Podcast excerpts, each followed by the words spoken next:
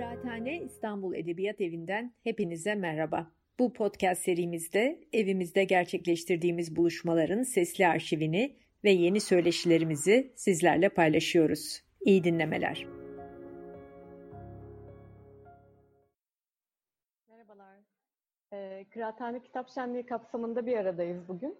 E, kolektif kitabın düzenlediği e, 21. yüzyılda seyahat yazarlığı etkinliğindeyiz. Ve e, ben Nazlı Gürkaş, e, Okan Okumuş'la konuşacağız bugün 21. yüzyılda seyahat yazarlığı üzerine. E, bu etkinlik benim için çok kıymetli, çok özel. Çünkü çok e, sevgili dostum Okan'la birlikteyim. E, bir etkinlikte buluşmamız 6 yıl aldı galiba. en son yine 2014 yılında e, bir seyahat yazarlığı etkinliğinde bir aradaydık. Yine ben moderatörüydüm. E, daha yeni tanışmıştık o zaman. E, şu an bu etkinlikte bir arada olmak yeniden çok önemli e, benim için. E, ben Okan Okumuş'u nasıl keşfettim? Biraz e, ondan bahsedeceğim. Öyle bir girizgah yapacağım. Ardından e, sevgili Okan'a bırakacağım sözü. E, bu seyahat yazarlığı etkinliğinde bir arada olmamız ayrıca anlamlı. Çünkü ikimiz de seyahat yazıyoruz. Ve bizi birleştiren şey de aslında seyahat yazarlığı oldu. E, ben 2000 14 yılında bir gün e, Tünel'de Kırmızı Kedi Kitap Evi'nde e, Okan'ın kitabına rastladım.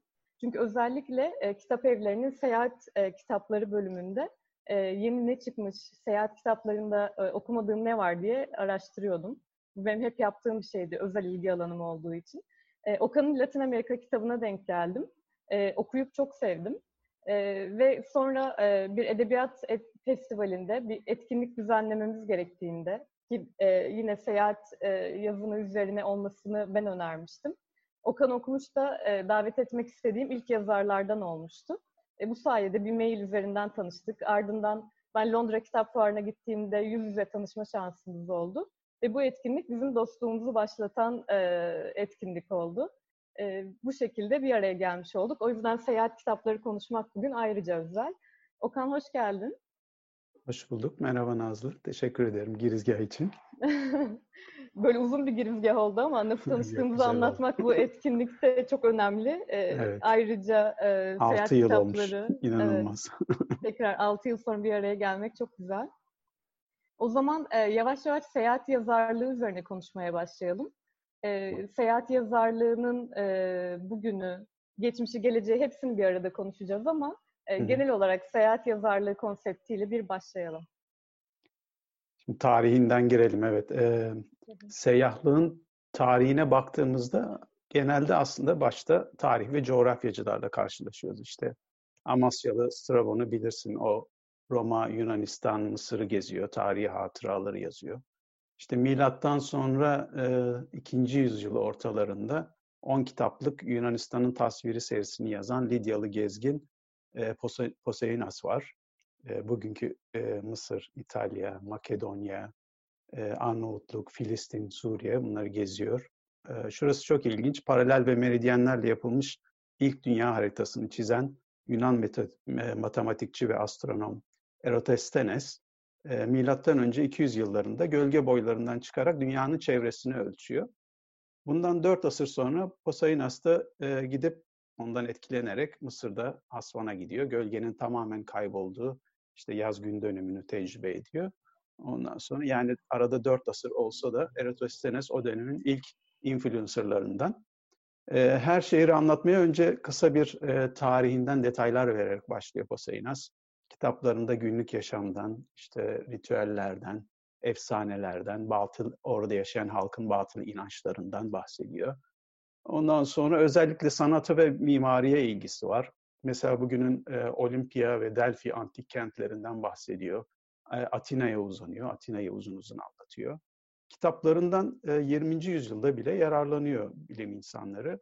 Deniyor ki yani onun anlatımları olmasa o Yunan'ın antik kentleri arasında kaybolur giderdik.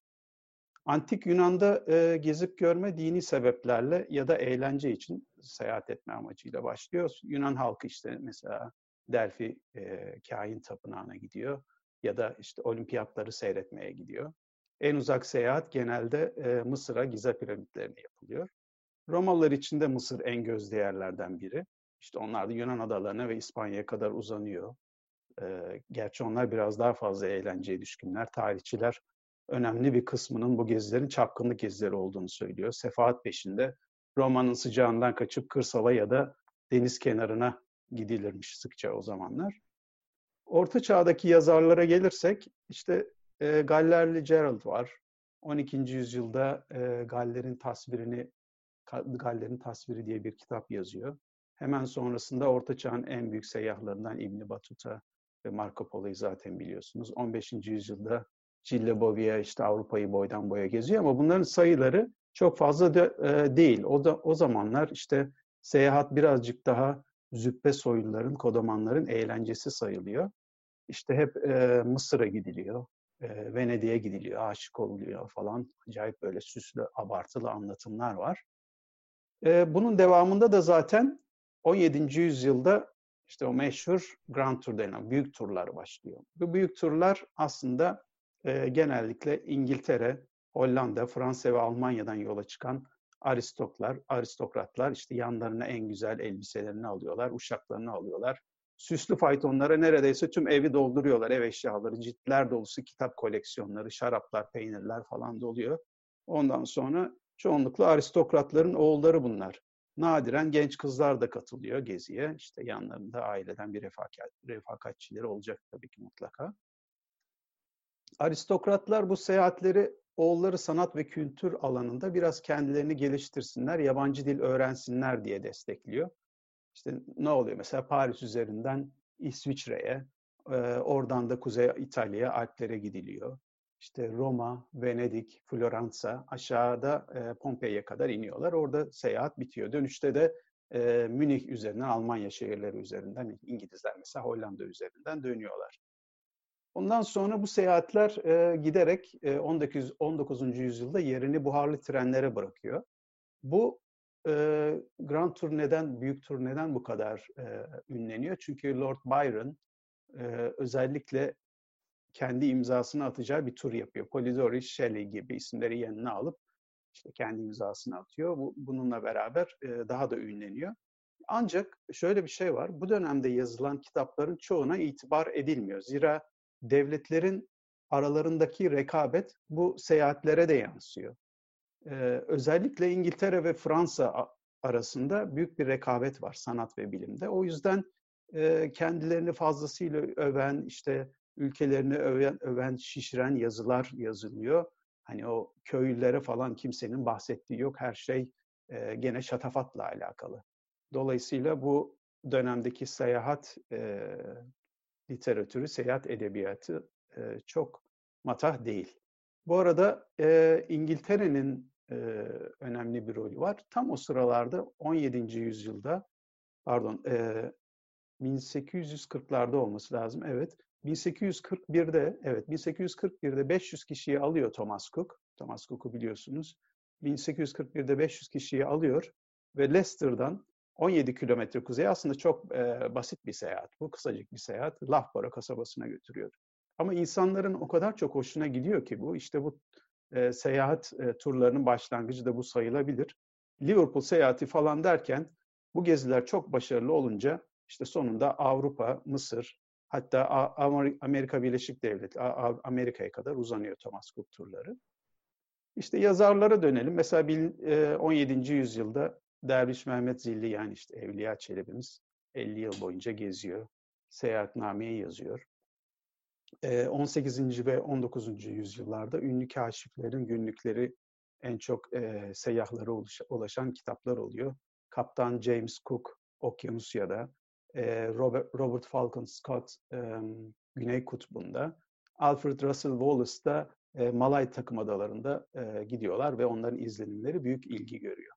Oralar e, Victoria dönemi yazarlarının keşiflerini vurgulayan bu emperyalist ton tabii ki pek nahoş. Richard Burton ya da Henry Stanley'in romanları öyle bir e, temele dayanıyor ki sanki hani dünyanın geri kalanını da Avrupalılar gezmeli, yorumlamalı, işte kötü giden işleri düzeltmeli. Yoksa bu e, az gelişmiş ülkeler öyle kendi başlarına bir şey zaten yapamazlar.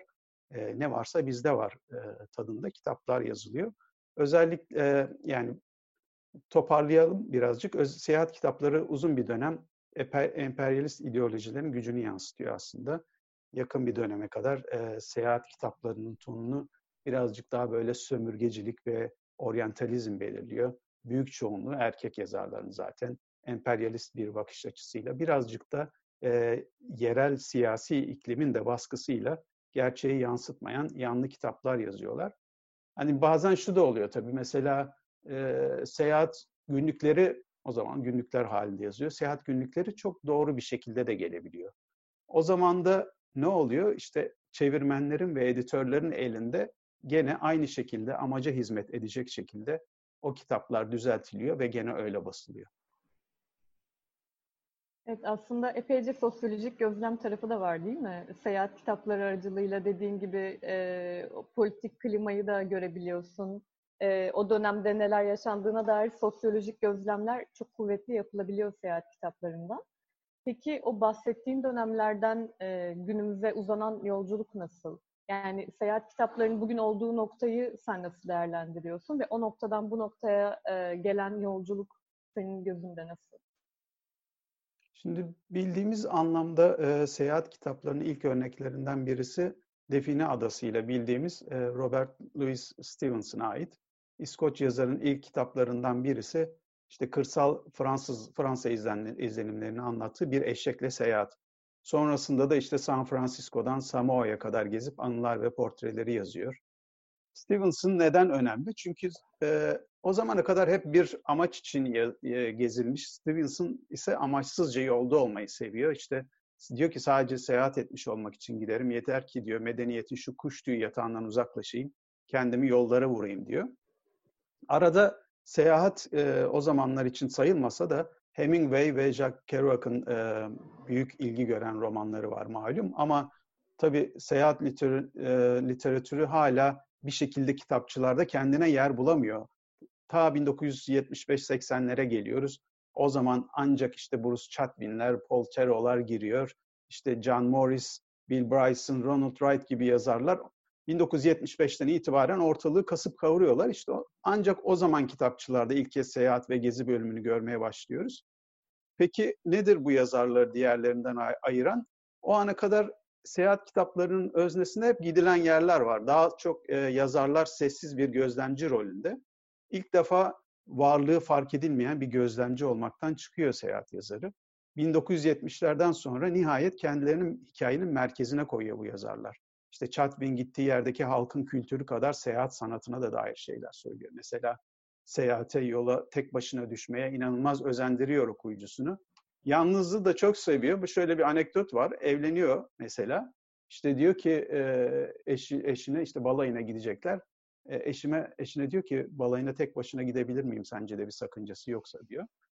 E, huys, huysuz ve hazımsız gezgin Paul Theron'un da esprili bir dille hani politik doğruculuğu da o zamanki e, anlayışlı politik doğruculuğu da bir yana bırakan radikal e, alaycılığına kimse alışmamış o zamana kadar, o zamana kadar şaşkınlıkla karşılanıyor.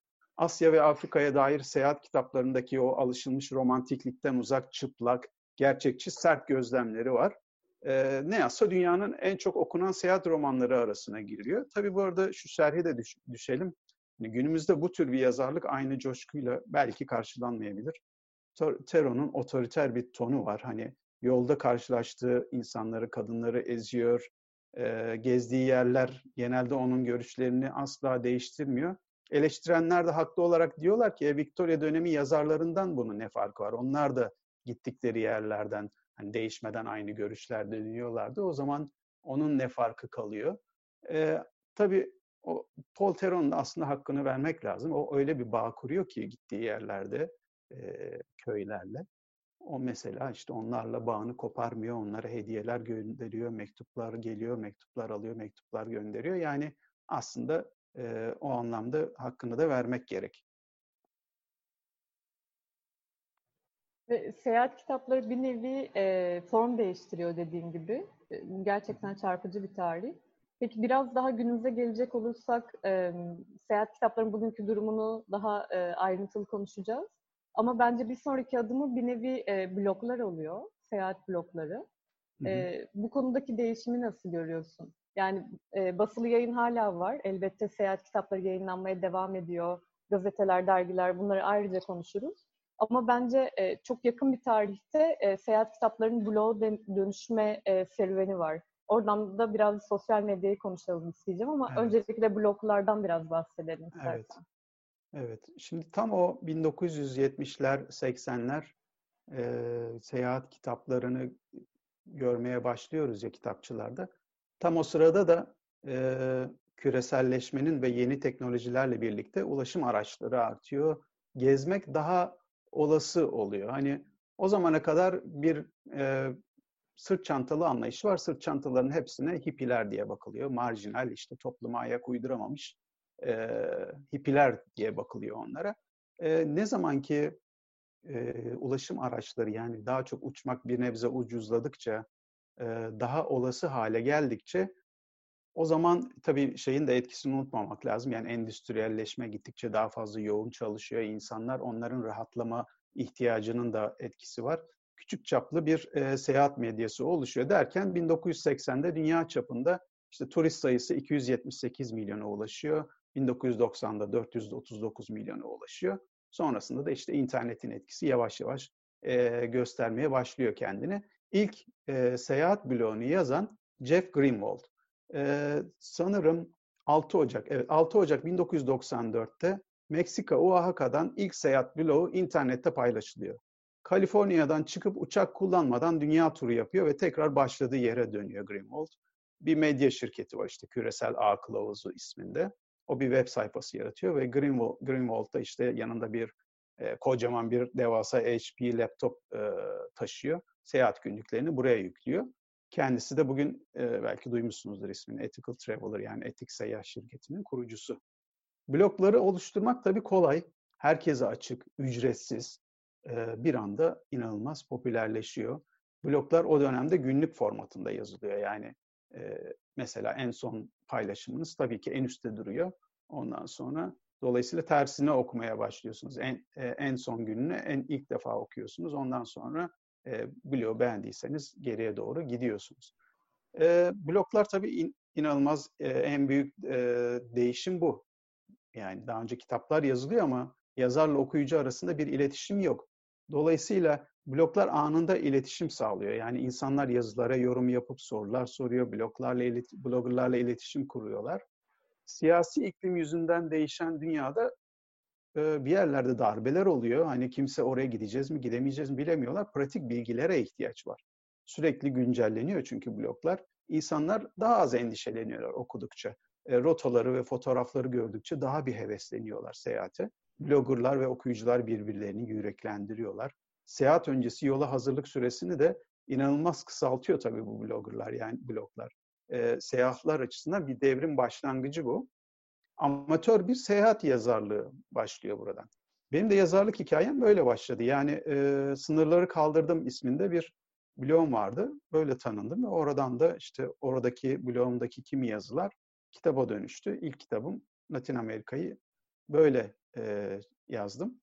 Ben Bu arada, de onu sormak istedim aslında. Blog evet. e, macerası nasıl başladı diye. Evet. Latin Amerika çıktı. Ondan sonra da devamı geldi yani. Ben hani bugüne kadar böyle beş kitap yazı şu an altıncı kitabımı yazıyorum. Hiç böyle hayallerim yoktu. Sadece bir basit bir blogger olarak başladım. Peki hangi noktaydı o? Ben bunu çok merak ediyorum herkesin kişisel hikayesinde. Hangi noktada ben e, böyle gezdim ve artık bu deneyimlerimi paylaşma noktasına geldi ve e, en azından blog yazarak bunu paylaşmalıyım dedin. O noktayı hatırlıyor musun? Tabii ilginçtir. Yani ben ben istemedim. Ben kitap e, yazabileceğim kanaatinde değildim. Zaten Türkiye'de seyahat, e, seyahat kitaplarının azlığı da malum. Hani ilk yazar olarak e, birilerine ulaşmak çok zor. Yayıncılara ulaşmak zor. Bu sırada arkadaşlarım beni ittiler. Yani dediler ki sen niye kitap yazmıyorsun? Ben de o zaman dedim şöyle bir şey yapalım. Bir Brezilya'yı yazayım ben. İşte daha çok akademisyen arkadaşlarım onlara rica ettim. Dedim ki yani bu Brezilya'yı bir okur musunuz? Siz bu siz bunları bir okuyun. Eğer tamam derseniz ben kitabın gerisini yazmaya devam edeceğim. Ondan sonra onlar tamam devam et güzel olmuş dediler ve ben o hızla Latin Amerika'yı yazdım. Sonra çok güzel bir tesadüf oldu. Beşiktaş'ta kolektif kitapla tanıştık. Onlar sevdiler kitabı derken bugünlere geldik. Oradan şeyi devam edeceğim. Yani enteresandır. Orada bloggerların e, profesyonel profesyonel yazarları etkileme hikayesi de güzel. Mesela bloggerlar orada yazarla şey okuyucuyla bir iletişim kurmaya başladığında profesyonel yazarlar da kendilerine pay çıkartıyorlar. Evet benim bu an, bu anlamda aslında bir şey eksik. Onlar da e, hikayelerini daha kişiselleştiriyorlar. Yani bloggerlar gibi birazcık daha e, aynı işte Chatwin'in yaptığı gibi kendilerini e, seyahatin merkezine koymaya başlıyorlar.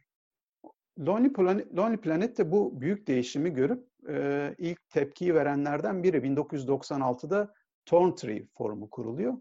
E, zamanla e, devasa bir e, sanal kom, komünü ortaya çıkıyor. Orada işte herkesin sorularını aynı anda görmek mümkün. Şöyle bir şey var. Hani blogger bloggerla şöyle bir e, farkı var orada. Mesela şimdi blogger görüyorsun diyorsun ki e, o benim aslında tarzımdan birazcık daha farklı geziyor. Yani benim tarzım onunkinden farklı. Benim ilgi alanlarım onunkinden farklı. Dolayısıyla insanlar işte ben, benim ben öyle yapıyordum mesela. Her seyahatin başlangıcında diyordum ki bakın benim ilgi alanlarım bunlar. Şunlardan hoşlanıyorum. Daha az turistik yerlerden hoşlanıyorum. Şöyle şöyle bir e, çalıştım. Şöyle şöyle bir e, e, program çıkarttım kendime ve gün sayımda şu kadar ne diyorsunuz? Ve yani bu o kadar değerli bir şey ki altına 10-15 kişi oraya gezmiş olan insanlar şeyler yazıyorlar. Diyorlar ki işte bak şuraya gitme, şunu program, şunu unutma, şurayı şurayı e, katabilirsin. Şuraya gidebilirsin. Şuraya hiç gerek yok. Onunla o benzer şeyler şu şehri istersen e, çıkarmayı düşünebilirsin. Yani buradan ben o kadar çok yararlandım ki tabii bir de şey de var. E, e, mesela hep beraber şöyle bir forum vardı. E, Lonely Planet Torn Tree forumunun içinde şöyle bir konu başlığı vardı daha doğrusu. İşte diyorsun ki e, hep beraber şu, nereye gidebilirsen giriş tarihlerini giriyorsun. Ben diyorsun şu tarihler arasında şurada olacağım. Ondan sonra o insanlar da e, diyorlar ki işte Aa, ben de orada olacağım. Mesela işte tamam tek başına gidiyoruz genelde de e, mesela Tanzanya'ya gideceksin. Safari'ye bir grup oluşturmak zorundasın. Başka türlü tek başına çok pahalı olacak. Ondan sonra e, ne yapacağız? Yol arkadaşı lazım. E, Serengeti'yi görmek için e, yol arkadaşların ihtiyaç var. İşte diyorsun ben şu tarihlerde olacağım, aynı tarihlerde Aruşa'da olacak bir insan insanlar var mı? Hemen oradan işte bir Avustralyalı yazdı, bir Alman arkadaş bulduk derken beş günlük bir çadır kampı, kampı turunu hep birlikte anlaşıp ayarladık ve onlarla gezdik. E şimdi bloklar e, birçok e, çok değişti yani ondan sonra amatör birçok amatör yazarın kazanç kapısı haline geldi sadece profesyonel değil. Mesela işte başarılı bloggerları davet ediyor Turizm Bakanlıkları. Diyorlar ki sen gel burada kal. İşte bir iki ay bir sana işte konaklamanı vereceğiz, uçak biletini vereceğiz. Sen yeter ki işte kal e, bloğunda bizim e, memleketimizi paylaş. Ona göre işte bizi sosyal medyadan bizi tanıt. Böyle bir e, çok başarılı bir sponsorluk biçimi bence bu. Aslında e, şu an alışık olduğumuz sponsorlukların da başlangıcı gibi. Yani evet, artık günümüzde evet. epey e, format değiştirdi. Ama e, sponsorlukların başlangıcı bu. Bir yandan da e, seyahat yazarlığın bugün aldığı biçimde e, deneyimlerin önemini de hep konuşuyoruz. E, senin bahsettiğin gibi deneyimler elbette seyahati çok değiştiriyor. Ama deneyimleri bir de seyahat yazarlığı kapsamında düşündüğümüzde hep e, şey tartışması vardır kişisel deneyimleri ne kadar yansıtmalıyız? Sonuçta blog bir kitap yazarlığından bahsediyoruz. Kişisel deneyimler çünkü bir nevi özel hayata da giriyor. Bunun sınırı ne? Ee, yani sence bunun sınırı ne? Sen kendine burada nasıl bir çizgi çekiyorsun? Ve e, yaşadığın deneyimler, seyahat tarzın, kişisel deneyimlerin o yazına nasıl yansıyor? Şimdi son 30-40 yılı saymazsak aslında seyahat kitapları işte bundan bahsettik seyyahların monologlarından ibaret. İşte travelog deniyor buna. Travel ve monolog sözcüklerinin birleşiminden oluşuyor bu sözcük. İşte Chatwin ve Poltero mesela hani bunlardan bahsediyoruz ama bunlar e, bunlarınki tamamen gerçek değil yani buradaki sorunu anladım. Birazcık da kurgu ya yer vermek gerekir mi gerekmez mi? Chatwin ve ee, Poltero'nun. Onu da sormak istedim evet, aslında evet, bir yandan. Yani, ne kadar kurgu katmalıyız? Ne evet, kadar yani, özel hayata girmeliyiz?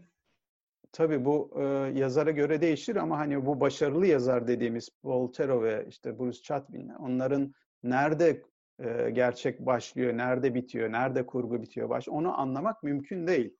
E, onların e, öncülüğünde otobiyografik öğeler içeren anlatılar doğayla toplumun sosyal hayatıyla ilgili değişimler falan derken işte sosyal tarih ekleniyor. E, spesifik ilgi alanlarıyla birleşiyor ve e, seyahat yazarlığı bu anlamda değişiyor. Bilgiden ziyade deneyimler daha öne, öne çıkıyor. Ve okuyucu da yazarın kişisel tecrübeleriyle daha fazla ilgileniyor. Yani bu şekilde aslında yazarla okuyucu arasında da bir duygu bağı kuruluyor. Eğer yazar okuyucuya o hissiyatı geçirebilirse o zaman okuyucu da bu yolculuğu sanki kendi yolculuğumuş, yolculuğuymuş gibi sahipleniyor ve e, bir gururla o da paylaşıyor. Yani sosyal medyada olsun ya da kendi yolculuğu gibi hissetmesi bile başlı başına büyük bir şey. Şimdi deneyim deyince burada e, son çıktığım seyahatlerden bir iki örnek vereyim size. İşte geçen sene e, Eylül ayında Endonezya'da başladım. Büyük bir seyahate çıktım. Bir ay Endonezya'da kaldım. Oradan da Papua Yeni Gine'ye geçtim. Hayatımın en heyecan verici yolculuklarından birisi bu. İşte başkent Port Moresby'den kuzeye Vevak şehrine uçtum. Orada yerel bir rehber Yohannes'le buluştum. Yolculuğumuz sırasında yiyeceğimiz çoğu şeyi satın aldık. İşte e, çünkü gideceğimiz köylerde bakkal dahi yok. Vevak'tan Sepik Nehri kenarındaki Pagvi'ye bir minibüsle bozuk yollardan işte 4-5 saatte gittik. Baktık işte Pagvi'de tek pansiyon var. O da kapalı ihtiyar bir amcaya rica ettik. O da odalardan birini verdi. Temizledik, yattık. Ertesi gün 20 metrelik uzun dar bir kanoyla Sepik Nehri'ne açılık şu an görüyorsunuz ekranda. Ee, burası Avrupa'daki ve Amerika Birleşik Devletleri'ndeki etnik müzelerin çoğu burada 90 yılda alınmış maskeler oyma işleriyle dolu kabile sanatının dünyadaki en eski örnekleri var burada. İşte biz buradan sadece belgeselcilerin gittiği yukarı Sepik'in ücra köylerine uğradık. Hani köyler o kadar güzel ki hani yemyeşil yani ağzım kulaklarımda. Neyse aslında sıcak bir iklim var yani tropikal iklim. Öğle vakti 40 derecenin üstüne kadar çıkıyor.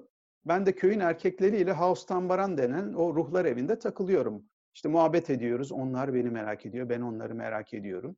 Çoğu İngilizce iyi konuşuyor. İçeride sürekli ateşler yakılıyor, dumanlar tütülüyor. Acayip bir ortam var. İşte gençler timsah dövmelerini gösteriyor bana. Acayip şeyler bunlar. Yani bütün vücutlarını kaplayan.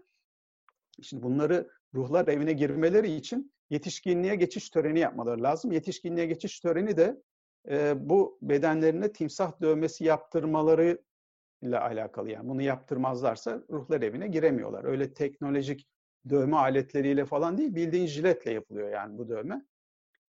Neyse dediler ki bugün turistler gelecek bizim köye, işte dansımızı seyredecekler. O dedi, ne, ne güzel ya, şansıma bak yani ben de seyrederim. Sonra birisi itiraf etti. Aslında dedi e, sadece kadınların dans edeceği bir gündü bu. İşte kadınlar erkekleri kızmışlar yinedenden. E, kazan kaldırmışlar. Turistleri eğlendirme işi erkeklere kalmış şu an görüyorsunuz. Onlar dans ediyor.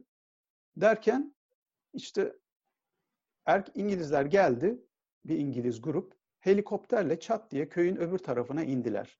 Yani benim Vevak'tan onca güçlükle geldiğim hani üç gün süren yol onlar için yarım saat falan sürmüştür belki. İşte dansı seyrettiler.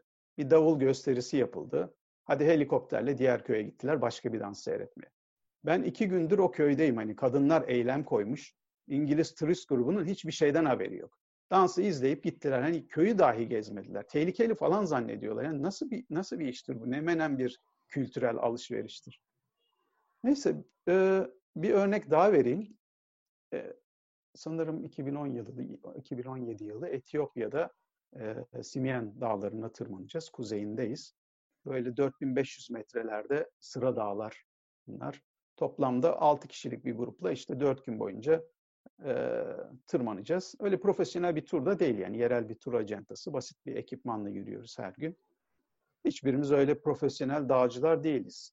O kadar yorulduk ki üçüncü gün artık dizlerimiz tutmuyor. Hollandalı bir çift var. Halimizin kalmadığı yerde artık birbirimizi falan itiyoruz. Neyse zirveye ulaştık böyle inanılmaz muhteşem manzaralar.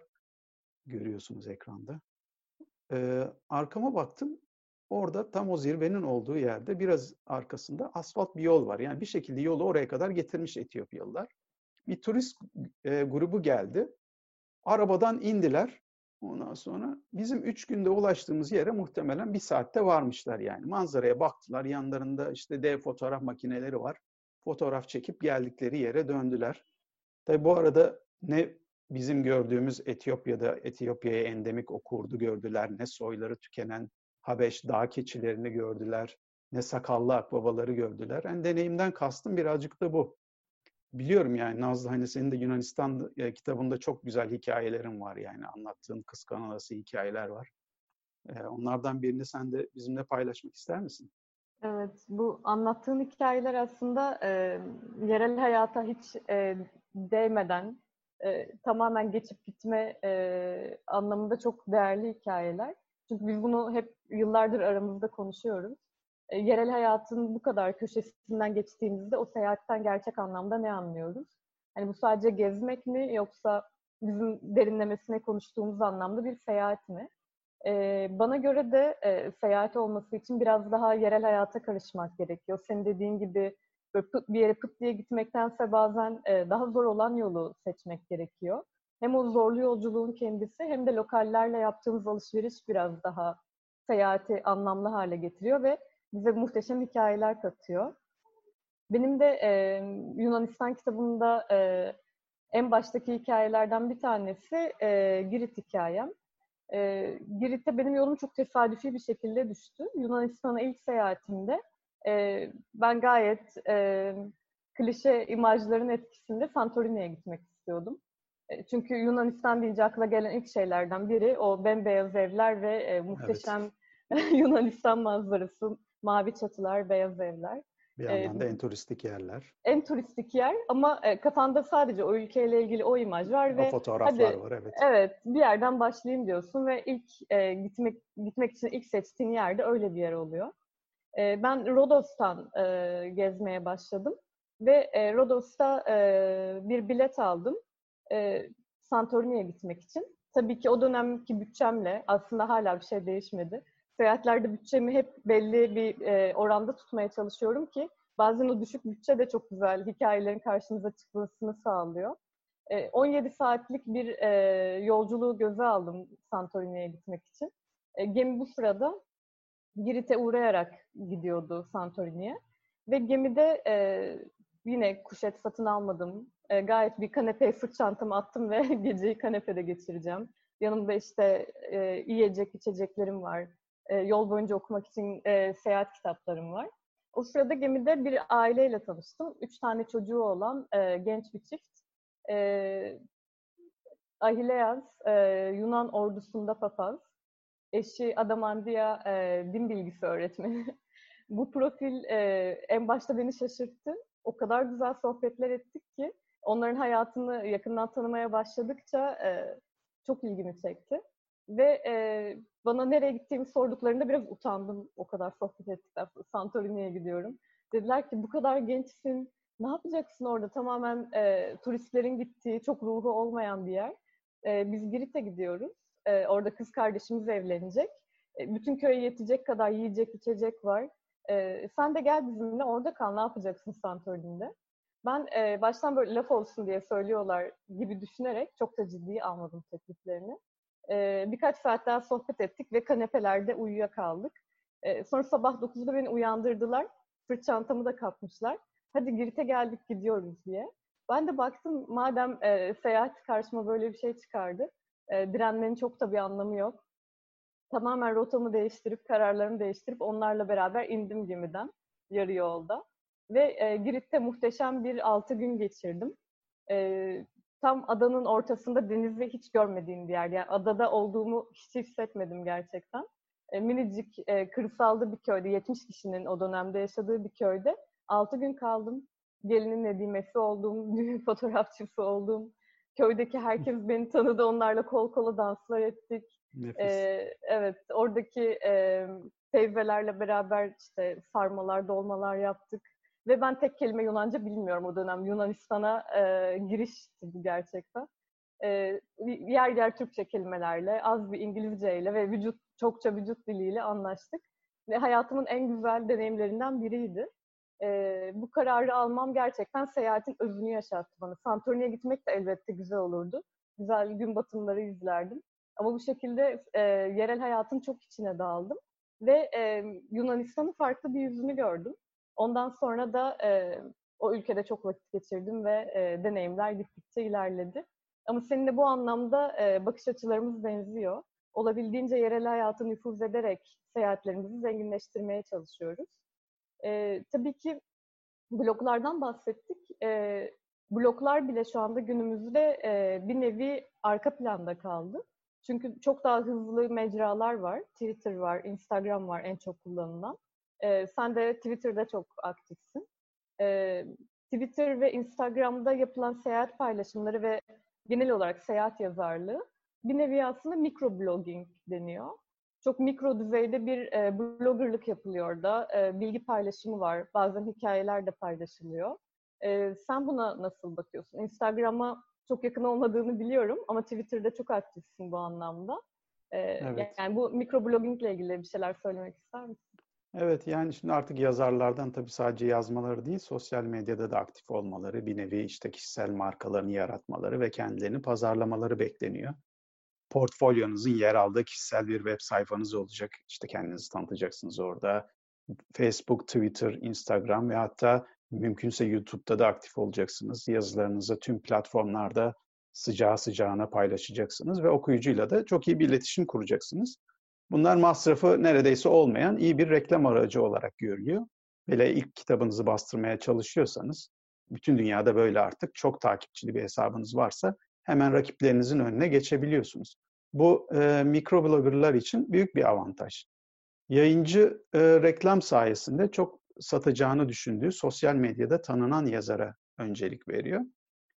Tabii bu sosyal medyada aktiflik zarureti çoğu geleneksel yazarı endişelendirdi. Ziya, zira artık sayfalarca yazmak yerine derdinizi sosyal medyada birkaç cümleyle anlatmanız gerekiyor. Öyle mikroblogging kesinlikle kitap yazmaya benzemiyor. Yani başka bir yetenek ve pratik zeka gerektiriyor. Tüm bunların yanında sadece yazıyordunuz eskiden artık iyi bir fotoğrafçı olmanız da lazım. Yani videolar çekip paylaşmalısınız. Bunları mümkünse son model iyi makinelerle çekmeli, bir yandan da son teknolojiye ayak uydurmalısınız. Yani artık hepimiz bir e, multimedya karakteriyiz yani. Ama e, asıl endişenin finansal olduğunu da söylemek lazım. İstisnai durumlar hariç bir seyahat yazarının sadece basılı yayınlarla hayatını sürdürmesi e, imkansız gibi. Yani sosyal medyada yer alacaksınız. Çok takipçiniz olacak. Portallar ve seyahat dergilerinde yer almaya gönüllü olacaksınız. Tabii şöyle sorunlar da var. Yani seyahat portallarında sadece tecrübe olsun diye ya, ya da e, kendi adı yer alsın diye ücretsiz yazmaya e, gönüllü bir, bir sürü insan var. O yüzden çok fazla da insan geziyor artık. Rekabet çok büyüdü. Bir de şöyle, şöyle bir durum var. E, mikroblogging ile birlikte okuyucunun dikkat aralığının da çok kısaldığı söyleniyor. Yani e, bunda zaten hepimiz herhalde e, tecrübe ediyoruz. Şöyle örnekler var. Diyor ki e, editör okuyucu uzun yazılar okumak istemiyor. Sen bana 800 kelimelik bir yazı gönder. Şimdi o geleneksel yazar da diyor ki ben anlatı, anlatacağımı 800 e, kelimede nasıl anlatayım yani mümkün değil. O yüzden direkt yazmaktan vazgeçebiliyor.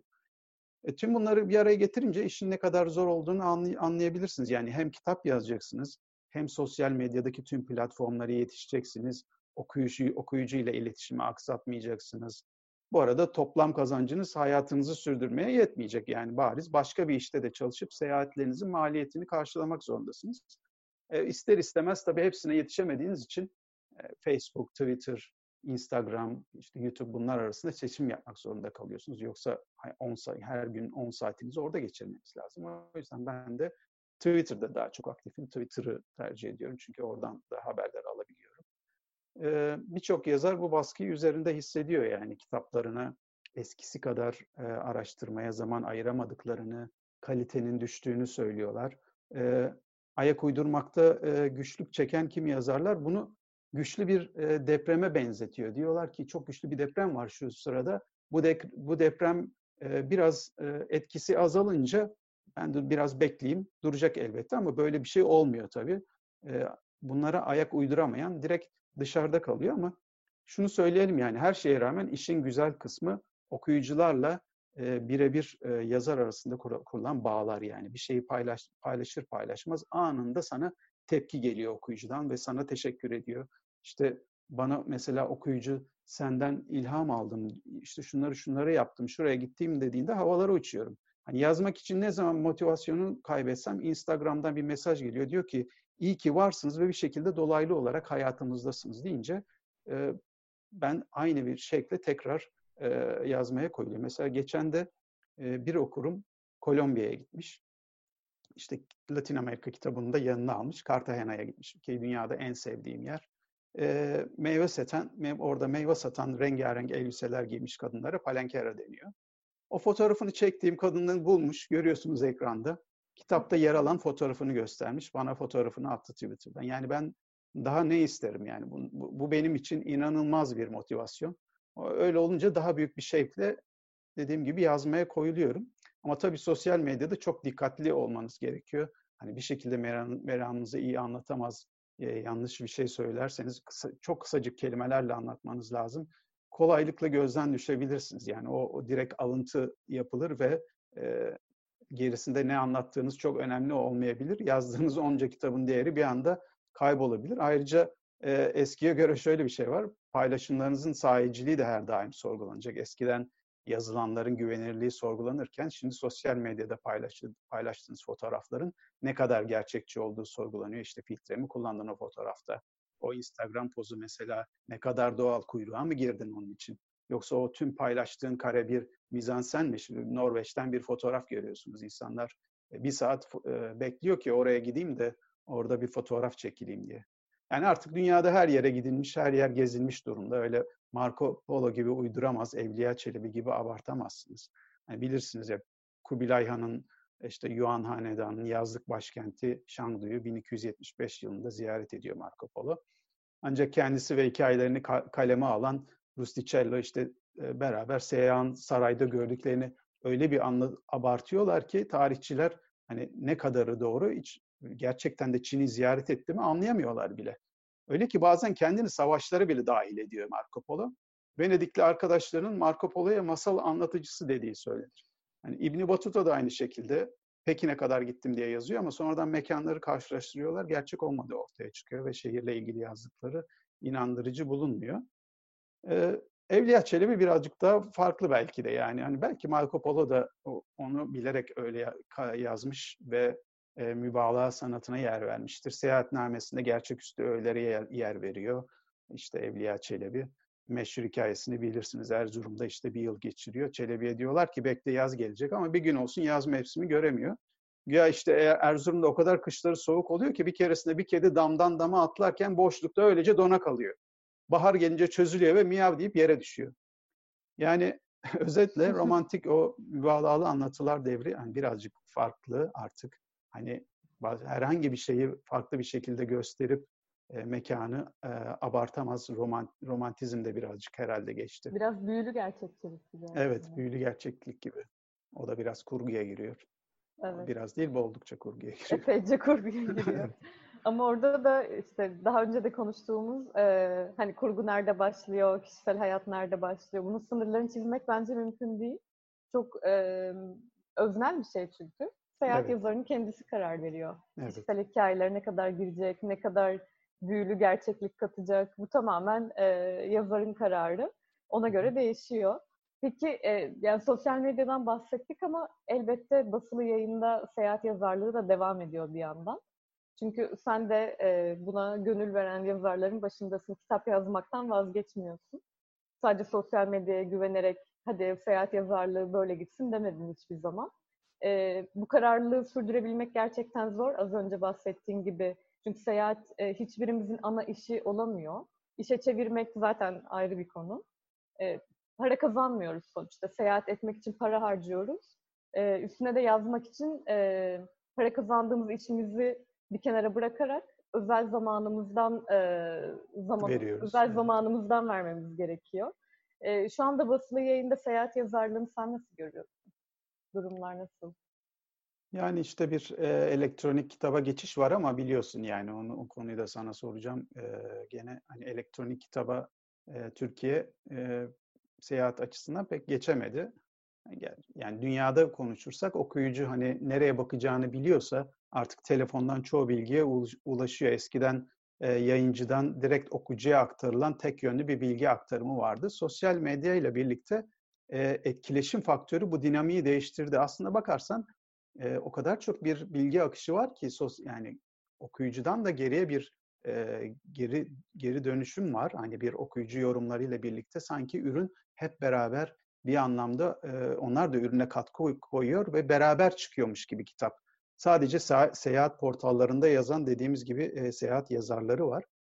İnsanlar e, insanların seyahatlerinde e, kitap taşımama istekleri gayet normal. E, yanlarına 10 tane 15 tane kitap al, alabiliyorlar elektronik kitap okuyucuları sayesinde. E, tabii burada hemen şu gündeme geliyor yani ileride ne olacak acaba basılı yayın giderek azalıp kaybolacak mı? Ben de bunu biraz araştırdım hani şu anki durum nedir? Belki 20-30 yıl sene, sene sonra bu gerçekleşebilir ama bu, bu an öyle bir durum yok. İnsanlar ne yapıyor? İşte öncesinde benim yazdığım türdeki seyahat kitaplarını alıyorlar, okuyorlar. Bunu seyahat hazırlıklarında e, kullanıyorlar. Yani rotayı buna göre oluşturuyorlar.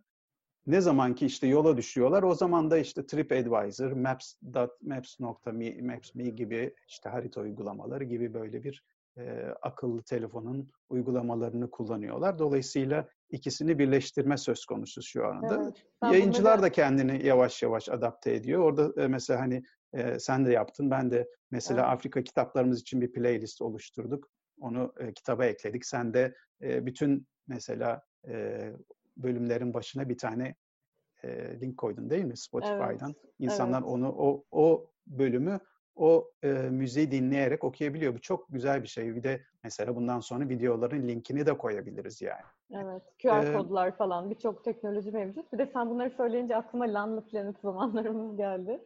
Önceden o kocaman evet. Lanlı Planet kitaplarla gezerdik yani. Yanımızda taşıma üşenmezdik. Ee, o kocaman kameraları taşırdık. Ee, profesyonel makinelerimizle gezerdik.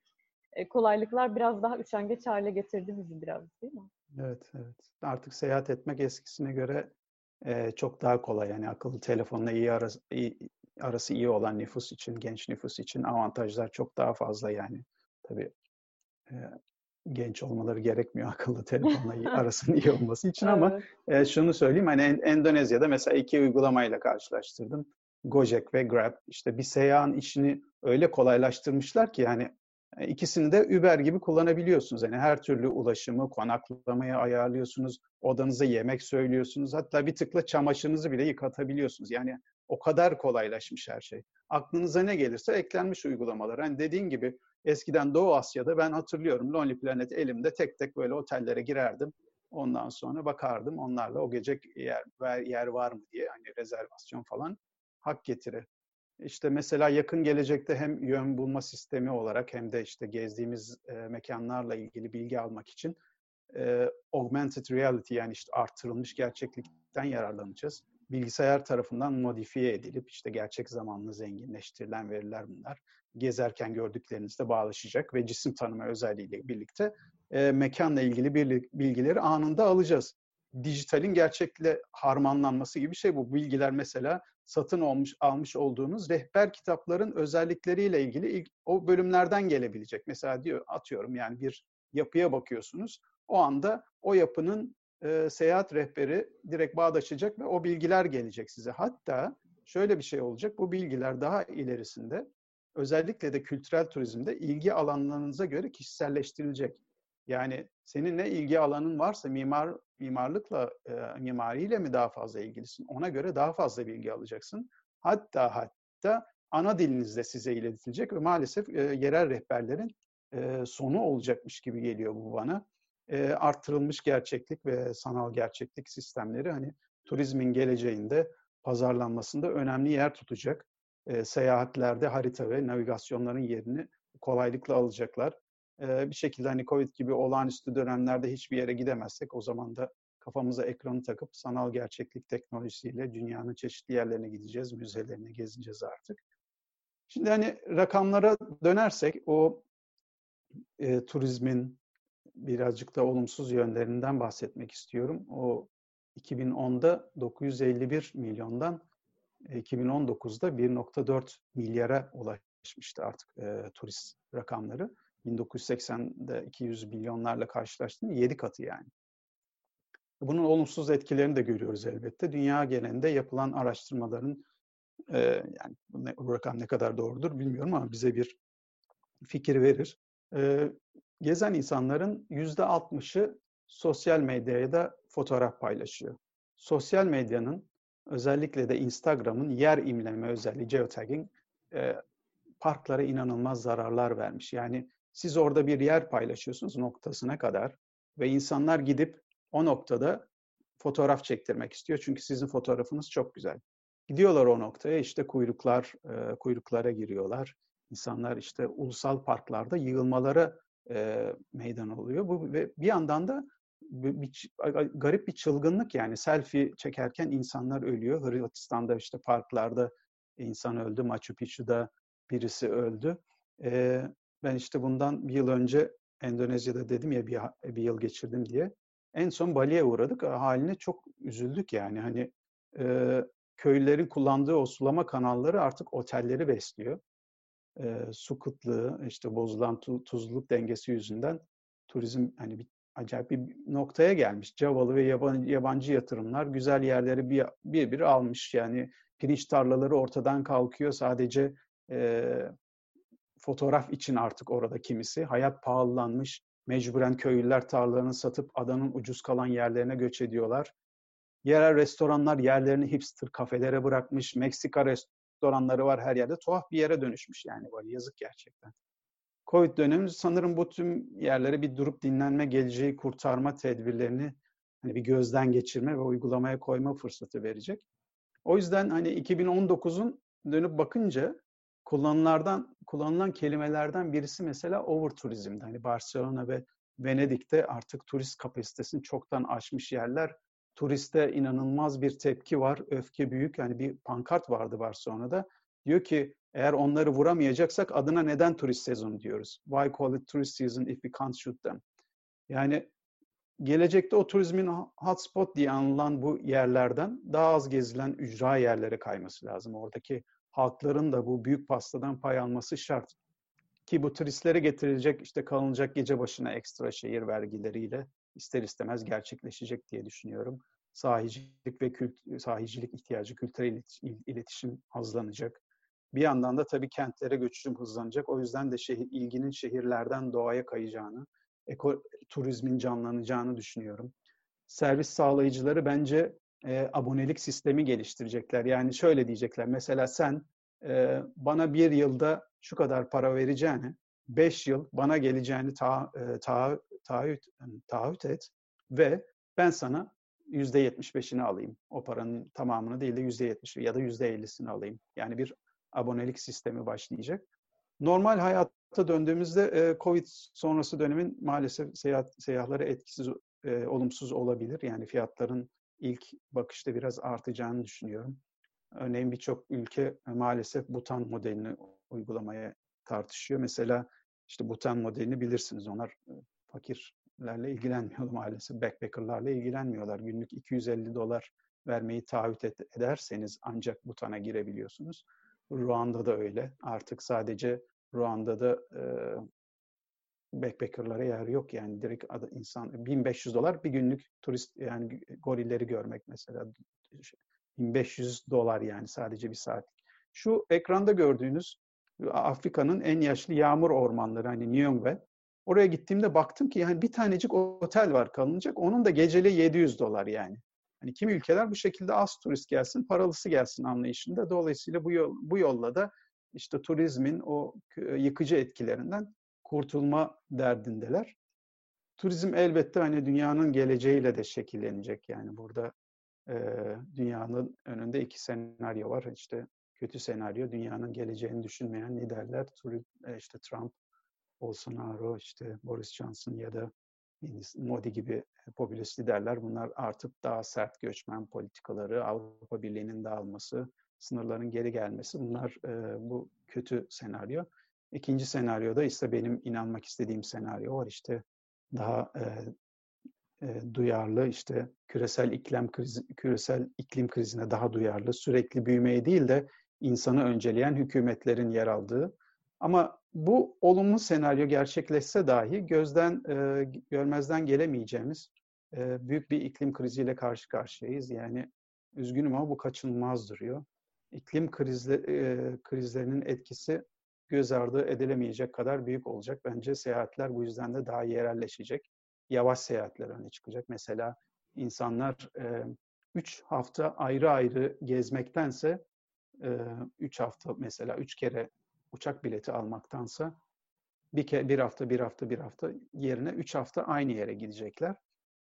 E, karbon salınımlarını yüzde elli düşürme hedefi gözlerin ulaşım e, araçlarına çevrilmesine neden olacak. İşte şunu öngörmek, de çok da zor değil. Yani yakın bir gelecekte bence e, karbon vergisi eklenecek. Yani daha da fazla karbon vergisi eklenecek. Uçmakta insanlar e, zorlanacak. O yüzden de hani şimdi İsveç'te uçanları utandırma anlamında işte ayıplama anlamına gelen Flixcam diye bir sözcük var. Bence bu Flixcam yakında bütün dünyada norma, norm haline gelecek.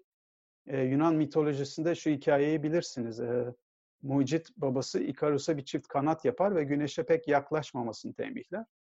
Ama Ikarus özgürlüğün tadını almıştır bir kere. Yani e, babasını dinlemez. İşte güneşe fazla yaklaşır. Sonunda bal mumundan yapılan e, kanatları erir ve Sisem Adası yakınlarında düşerek ölür. Bu anlamda çuval, çuvaldızı da hani kendimize batırmamız lazım. Bir sonraki nesil 30 yıl sonra muhtemelen bize büyük küfürler edecek. İkarusluk yaptınız, geleceği nasıl göremediniz diyecekler.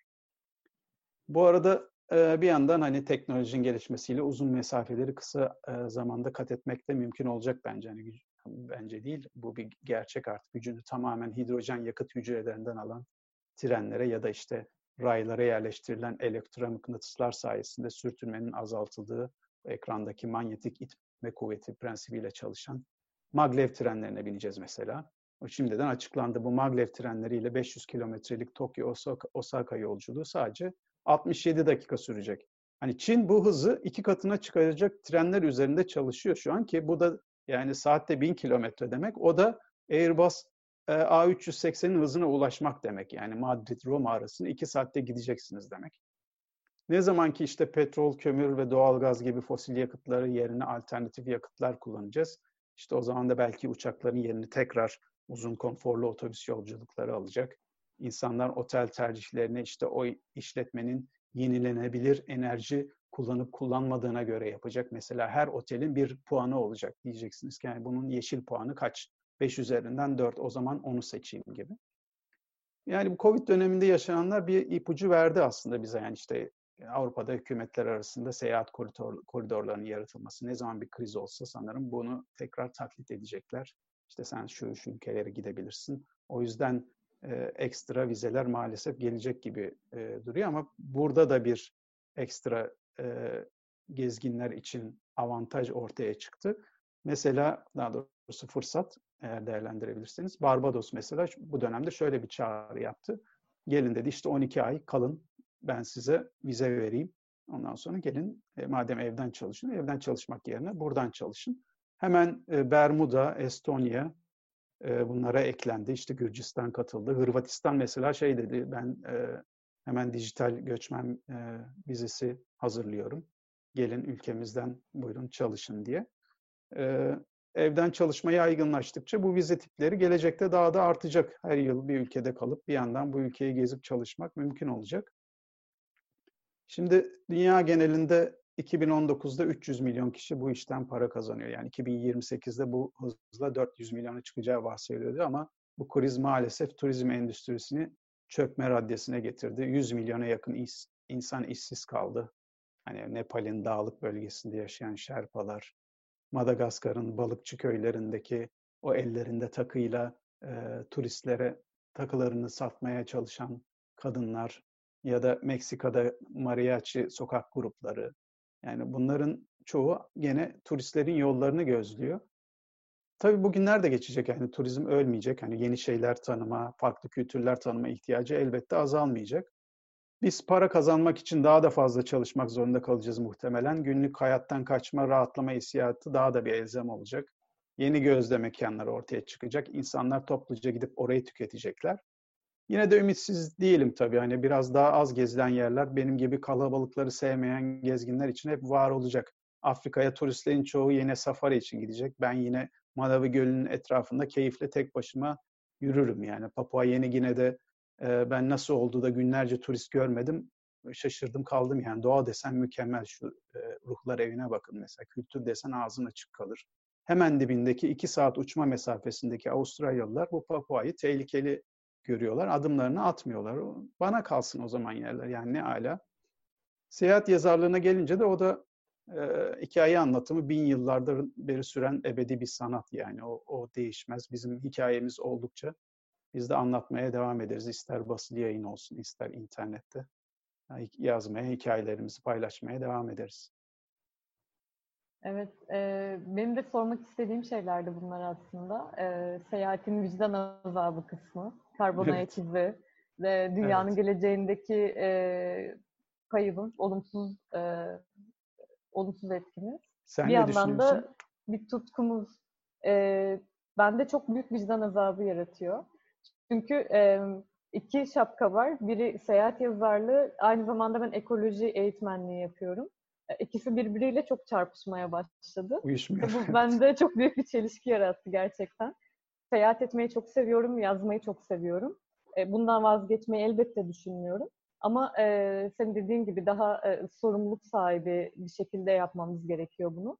Çünkü karbon ayak izini düşündüğünde hemen pıt diye istediğim yere uçakla gittim, ondan sonra istediğim şekilde gezdim ve döndüm demenin ötesinde e, daha sorumluluğumuzun farkında olarak e, yapmamız gerekiyor bunu.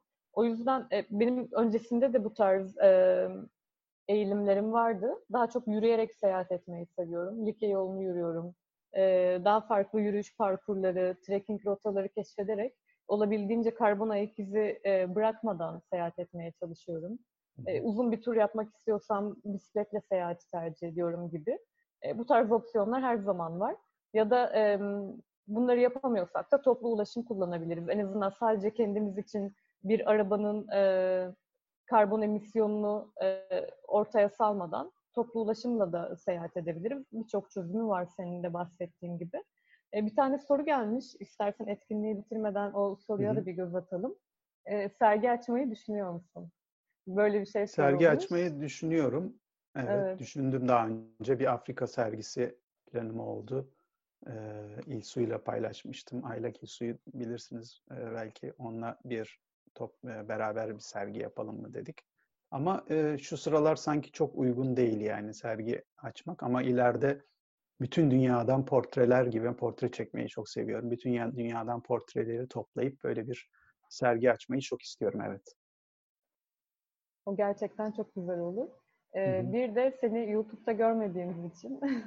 YouTube evet işte o yetişemediğim yer. Orası yetişemediğim yer. Yani e, ben seyahatlerde çok e, hafif gezmeyi seviyorum. Yani yanımda drone taşıyayım, o büyük kameralar taşıyayım. Onlarda yokum yani. O büyük makinelerle beraber gezeyim. Mümkün olduğunca minik kameralarla, makinelerle, fotoğraf makineleriyle geziyorum e, YouTube'da tabii başka bir emek gerektiriyor. Yani gerçekten hem çalışıp hem e, sosyal medyaya yetişip hem YouTuber olup yani bunların mümkün değil. Yani öyle bir gerçeklik yok maalesef. Hani benim gezebilmem için çalışmam lazım. E, dolayısıyla ancak bir kanalda aktif olabilirim. Or orası da hani gezerken Instagram'dan bir şeyler paylaşıyorum. Daha çok da Twitter'da aktif. Evet, YouTube'a e, girecek olsam gerçekten o ayrı bir mesleğe dönüşür. Dediğim evet. gibi her şey bir anda yetişmek çok zor. E, ben mutluyum aslında senin sadece Twitter'da olmandan. Arada Instagram'da. YouTube evet. olmasa da Evet, şöyle bence. bir şey var biliyor musunuz? Yani şimdi e, mesela Guardian'da bir makale okuyordum. Bir seyahat yazarlarından birisi diyor ki e, ben Instagram'ımı kapattım diyor. Yani insan elinde olmadan diyor or- oraya yazılan yorumlarından etkileniyor. Bir de durup durup hani ister istemez dönüp bakıyorsun işte ne kadar işte neyle etkileşim almış insanlara cevap veriyorsun. Yani aslında seyahat ederken buna hiç ihtiyacın yok. Gerçekten ihtiyacın yok. Büyük bir e, seni e, maalesef dikkatini dağıtıyor.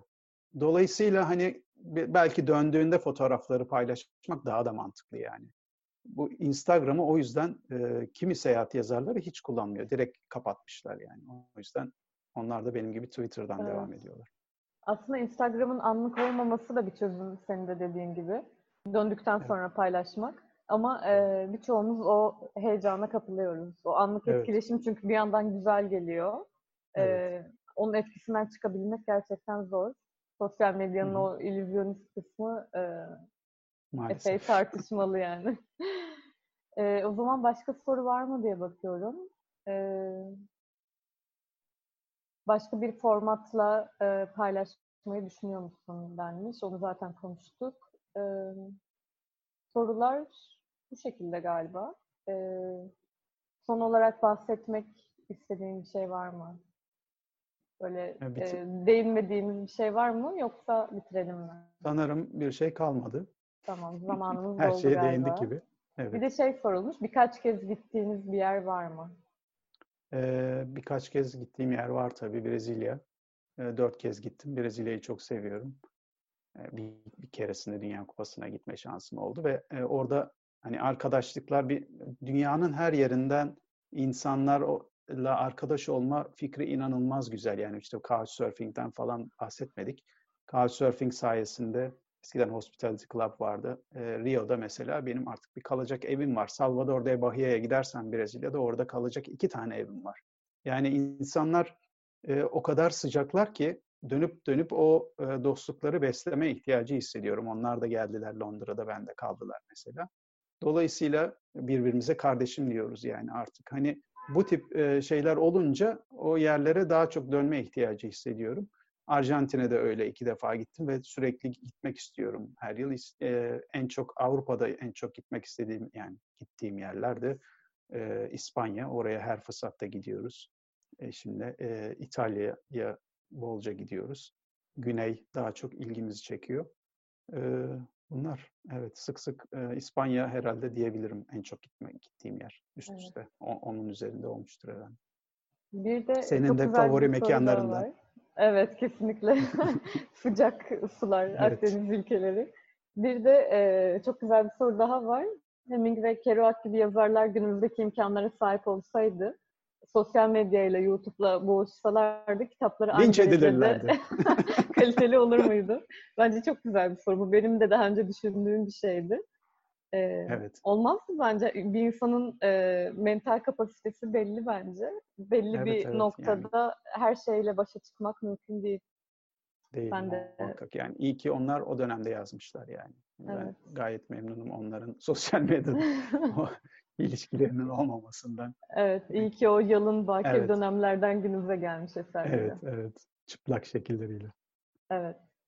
Ee, sorularımız da bu kadar. Bence çok güzel bir sohbet oldu. Ee, evet, çok teşekkür ederim sana da. benim için her zaman çok güzel.